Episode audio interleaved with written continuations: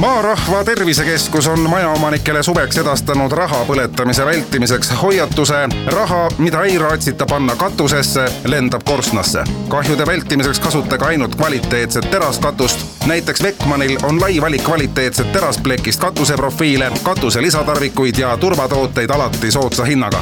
lisainfot saab www.beckman.ee kuku raadios välja öeldud seisukohad ei pea ühtima Kuku raadio seisukohtadega Te kuulate Kuku Raadiot.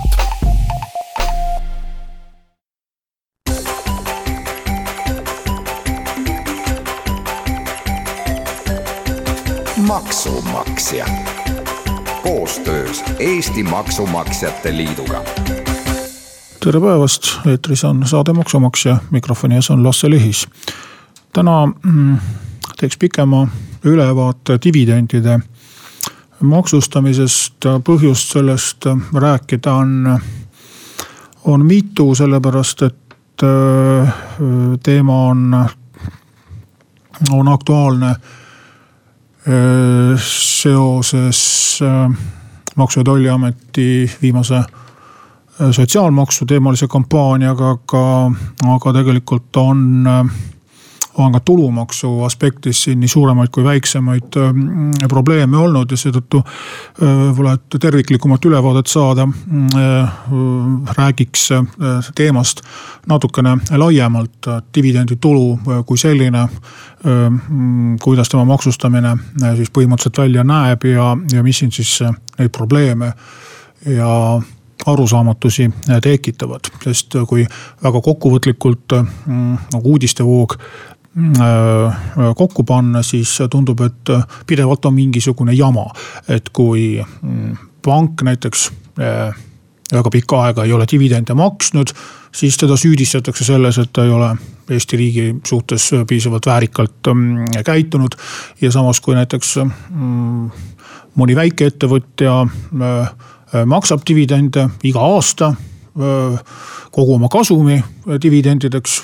peaks justkui nagu kõik korras olema, tulumaksu tuleb mühinal, jälle ei sobi. tahaksime hoopis, et selle väikeettevõtja aktsionärid või osanikud hoopiski palka maksaksid ja, ja, ja lisaks tulumaksule ka sotsiaalmaksu panustaksid, et, et tundub, et kogu aeg on midagi valesti, ükskõik, kas sa maksad neid dividende või ei maksa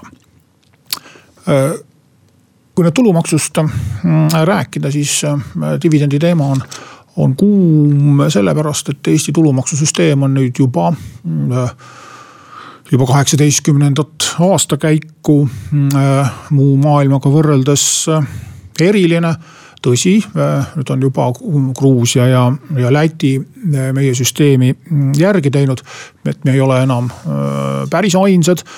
aga meie süsteem ettevõtete tulu maksustamisel äh, on siis erandlik, et ähm, maksukohustus tekib ainult dividendidelt. Äh, nimetatakse seda nagu kõnepruugis tihti mm, reinvesteeritud kasumi maksuvabastuseks.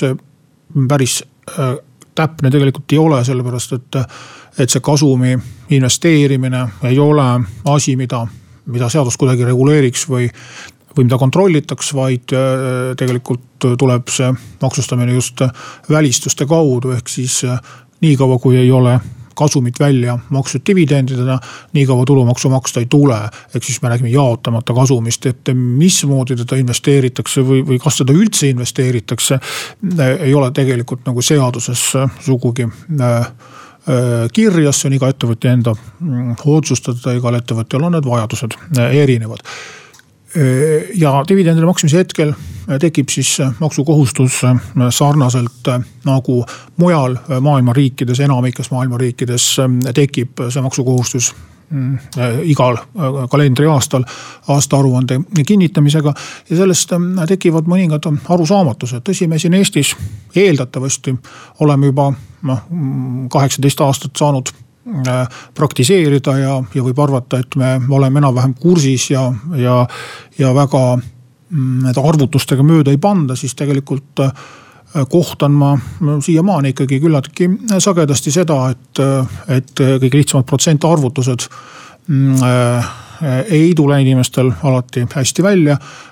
vigur on nimelt selles, et kui mm, palgalt ja, ja muudelt sissetulekutelt arvutatakse tulumaksu brutosummalt tulumaksumäär on kakskümmend protsenti, siis dividendide puhul mm, võetakse tulumaksu netosummalt ja, ja sellest tulenevalt siis see kakskümmend protsenti on saanud täiesti märkamatult kahekümne viieks. tegelikult on maksukoormus täpselt sama. ühel juhul me lihtsalt võtame tuhandest eurost brutopalgast kakssada eurot ehk kakskümmend protsenti maha, maksame kaheksasada eurot välja. Teisel juhul me maksame kaheksasada eurot välja ja deklareerime sellele kaheksasajale eurole juurde kakskümmend viis protsenti ehk täpselt sellesama kakssada eurot. lihtne arvutus, aga eksida on võimalik. aga nüüd läheks natukene tõsisema teema juurde, nimelt meie süsteem töötab suurepäraselt siis, kui dividendi maksja ja dividendi saaja mõlemad asuvad Eestis. kui üks nendest on välismaal, võib juhtuda küllaltki suure tõenäosusega selline ebameeldiv asi nagu topeltmaksustamine. meil siin seoses kurikuulsa maksuvaba tulu reformiga kritiseeriti eest ja tagant ja külje pealt ja, ja pilluti palju kurje sõnu ja muuhulgas ka mm, justkui äh, olevat uus süsteem kaasa toonud dividendide topeltmaksustamise.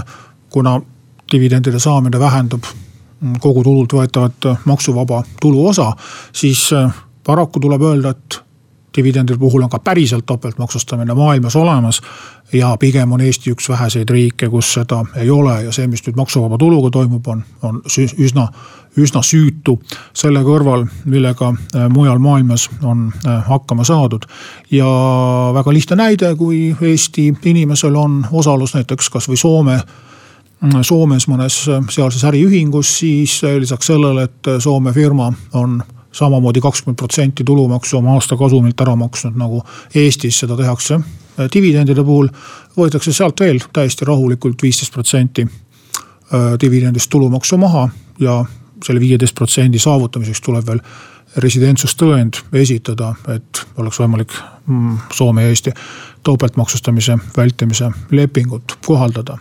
Aga kes on teemaga kursis ja natukene kavalam Äh, kasutab välismaalt dividendide saamiseks siis juriidilise isiku abi. Äh, tõsi, see töötab ainult suuremate ehk alates kümnest protsendist osaluste puhul, selle taga on Euroopa Liidu äh, direktiiv, mis keelab topeltmaksustamise siis, kui dividende makstakse ühest riigist teise, siis ühelt juriidiliselt isikult teisele füüsiliste isikute puhul.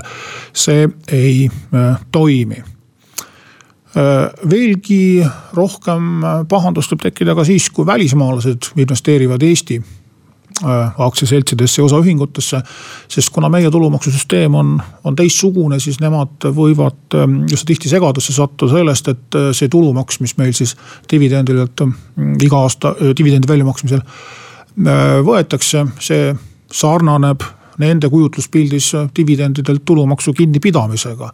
ja seetõttu nad äh, arvavad, et äh, nad saavad oma kodumaal tuludeklaratsiooni täites füüsilise isikuna seda Eestis justkui kinni peetud tulumaksu arvesse võtta ja kodumaal siis oma maksukohustust vähendada, mis on paraku vale vastus.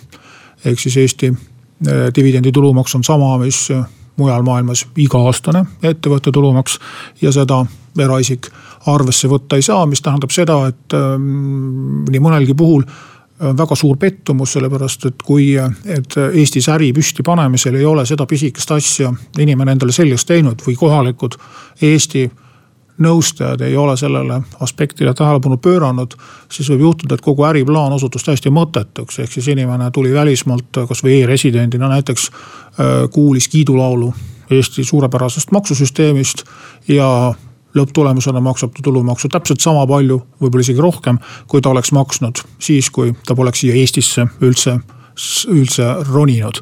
võib-olla ilmselt maksab rohkem äh, kõikvõimalike vahendustasude ja, ja kulude pealt. Aga millised muudatused on plaanis dividendide maksustamisel, sellest kohe pärast väikest pausi.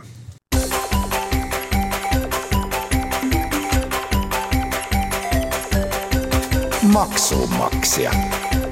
Koostöös Eesti Maksumaksjate Liiduga. Nii, saade Maksumaksja jätkab, täna räägin dividendide maksustamisest ja eelmises osas sai räägitud sellest, et võib tekkida topeltmaksustamine, kui tehingud on piiriülesed Äh, nüüd äh, üks muudatus, äh, neljateistprotsendiline maksumäär on tulemas, õigemini seadus kehtib, aga rakendub mm, esmakordselt järgmisel aastal mm, kolmeaastase üleminekuperioodina. kolmandiku kaupa see soodustus hakkab toimima, nimelt siis võeti kasutusele selline mõiste nagu regulaarselt makstav dividend ja antakse siis äh, kahekümneprotsendilise maksumäära asemel õigus kasutada mm, neljateistprotsendilist maksumäära sellistele dividendidele, mis on siis eelmise kolme aasta äh, keskmine. ehk siis äh, kui dividende makstakse iga aasta võrdselt, siis alates siis nüüd üleminekuperioodi lõpus siis alates kolmandast aastast on põhimõtteliselt võimalik kogu teenitud kasum Eestist välja viia neljateistkümne protsendilise tulumaksumääraga. mis selle mõte on, mõte on ähm, selles, et, äh, et kui, kui me võtame tulumaksu ainult dividendidelt ja jätame nagu ettevõtja enda otsustada, kas ta tahab investeerida, ei taha investeerida, siis ähm, on riigi poolt vaadatuna äh, väga ebaühtlane äh, see tulumaksu laekumine. tõsi küll, eelarvet vaadates äh, väga suuri kõikumisi ei ole, aga, aga on selline teadmatus, et, et just sellised suured Eestis pikaaegselt tegutsenud, suuri kasumeid tootnud kontsernid, mõned nendest väga pikka aega ei ole üldse dividende maksnud. Ja noh, näide on meil siis äh, ühe Rootsi kapitalil põhineva panga näol olemas, keda süüdistatigi väga pikka aega selles, et et äh, ta dividende ei maksa ja, ja Eesti riigile tulumaksu ei maksa, siis ta ükskord tegi seda, tegi seda siis äh, Eesti mastaabis muljetavaldavalt suures summas, millest tekkis jälle äh, ebameeldivusi, sellepärast et siis tulumaksu laekumine oli, oli jälle äh, järsku väga suur. ja et just soodustada siis seda, et kasumit jaotatakse siis iga aasta natukene, mitte üks kord kümne või kahekümne aasta tagant suures summas. et siis ka riigieelarve nii väga ei rappuks üles-alla. Mm, mõeldi siis selline soodustus, neliteist protsenti on vihje meie sõbralikele naaberriikidele Lätile ja Leedule, kus äh, kehtib viieteistprotsendiline maksumäär. ehk siis äh, tõsi küll äh, maksustamise põhimõtted on teised, aga lõppkokkuvõttes, kui nüüd välismaine peakontor on ka Eestist kasumi dividendidena välja viinud, siis lõppkokkuvõttes on need maksumäärad võrreldavad. Äh, küsimus on lihtsalt selles, et kas tulumaks on makstud varem või hiljem, aga lõppkokkuvõttes on ta makstud ja Eesti neliteist protsenti on siis selles mõttes tibakene soodsam kui naaberriikides ja see võiks vähemalt niimoodi loodetakse kontserne siis äh, innustada oma sisemisi tehinguid ja struktuure nõndamoodi ümber sättima, et, et Eestis kasumid suureneksid ja ja mujal riikides väheneksid. noh iseasi, kui palju nüüd need äh, välismaised kontsernid Eesti maksupoliitikat usaldavad, arvestades seda, et meil nüüd siin viimastel aastatel iga natukese aja tagant äh, kiputakse väga suurejoonelisi reforme läbi viima. aga see selleks, võimalus on antud ja vähemalt aastaks kaks tuhat kaheksateist on päris korralik äh, maksulaekumise suurenemine ette nähtud ja vähemalt võrreldes alkoholiaktsiisiga on selles osas küllaltki hästi läinud, et loogika peab paika, et kui alkoholiaktsiisi tõstetakse, siis maksulaekumine väheneb ja kui tulumaksumäära langetatakse, siis maksulaekumine suureneb. Kui see alati nii lihtne oleks, aga äh, siin tõepoolest võib sellise järelduse äh, teha. küll aga mm, tasub äh, öelda seda, et sellest neljateistkümne protsendilisest soodustusest ei ole mingit tolku meie enda kohalikel väikeettevõtjatel. sellepärast, et kui dividendi lõplik saaja on Eesti füüsiline isik, siis kasseeritakse talt neljateistkümne protsendi ja kahekümne protsendi vahe kenasti äh, sisse. Äh, selleks kehtestatakse siis täiendav tulumaksu kinnipidamine. Äh, väike ümarduse vahe isegi tuleb, see maksukoormus isegi mõned komakohad suureneb. pluss see, et maksu arvestamine läheb keerulisemaks, ehk siis senine ühe summana mm, deklareeritav maksukohustus tehakse kaheks osaks. ja see teine osa omakorda veel tükeldatakse siis Äh, individuaalselt veel vastavalt dividendi saajate äh, arvule, ehk siis äh, lõppkokkuvõttes summa jääb samaks, aga tööd on rohkem mistõttu võib äh, siin isegi tekkida soov sellest soodustusest lausa loobuda, seda võimalust mitte kasutada. miks see nii on? on see, et just selle maksusoodustusega soovitakse stimuleerida kontserne ehk siis selliseid äriühinguid, mille aktsionärid asuvad Eestist väljas. Nende puhul tõepoolest see neliteist protsenti jääb neljateistkümneks protsendiks, ehk siis ei ole neil Eestis mingit täiendavat maksukohustust ja ka, ka äh, oma koduriigis äh, tulenevalt Euroopa Liidu direktiivist, mida juba sai mainitud, äh, vähemalt kümneprotsendilise mm, osaluse korral see õigus mm, on tagatud. ehk siis mõnes mõttes töötab see eesmärk veidikene vastu sellele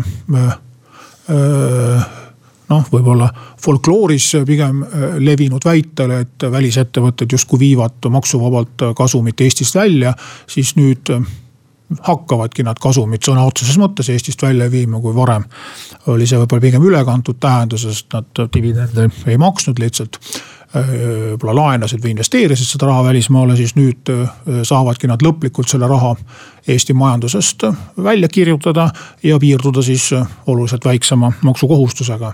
aga vähemalt praegu on kõik rahul, maksulaekumised kasvavad ja eks eelkõige võib-olla pärast järgmise kevade riigikogu valimisi saab näha, millised huvitavad mõtted poliitikute peades tekivad ja kas nad mõtted liiguvad siis selles suunas, et prooviks ettevõtetelt veel rohkem raha ära võtta ja inimesi õnnelikuks teha või, või äkki äh, pöörduvad tuuled jälle selles suunas, et äh, võib-olla aitaks rohkem mm, ettevõtetel raha teenida ja aitaks neid selles osas, aga see on juba äh, poliitiline teema, mille üle siis valijad saavad üsna pea mõtisklema hakata. täna siis selline maksuteema ja kohtume taas kahe nädala pärast, sest äh, järgmisel nädalal äh, tähistame me teisipäeval esimest maid äh, maksumaksja sealhulgas.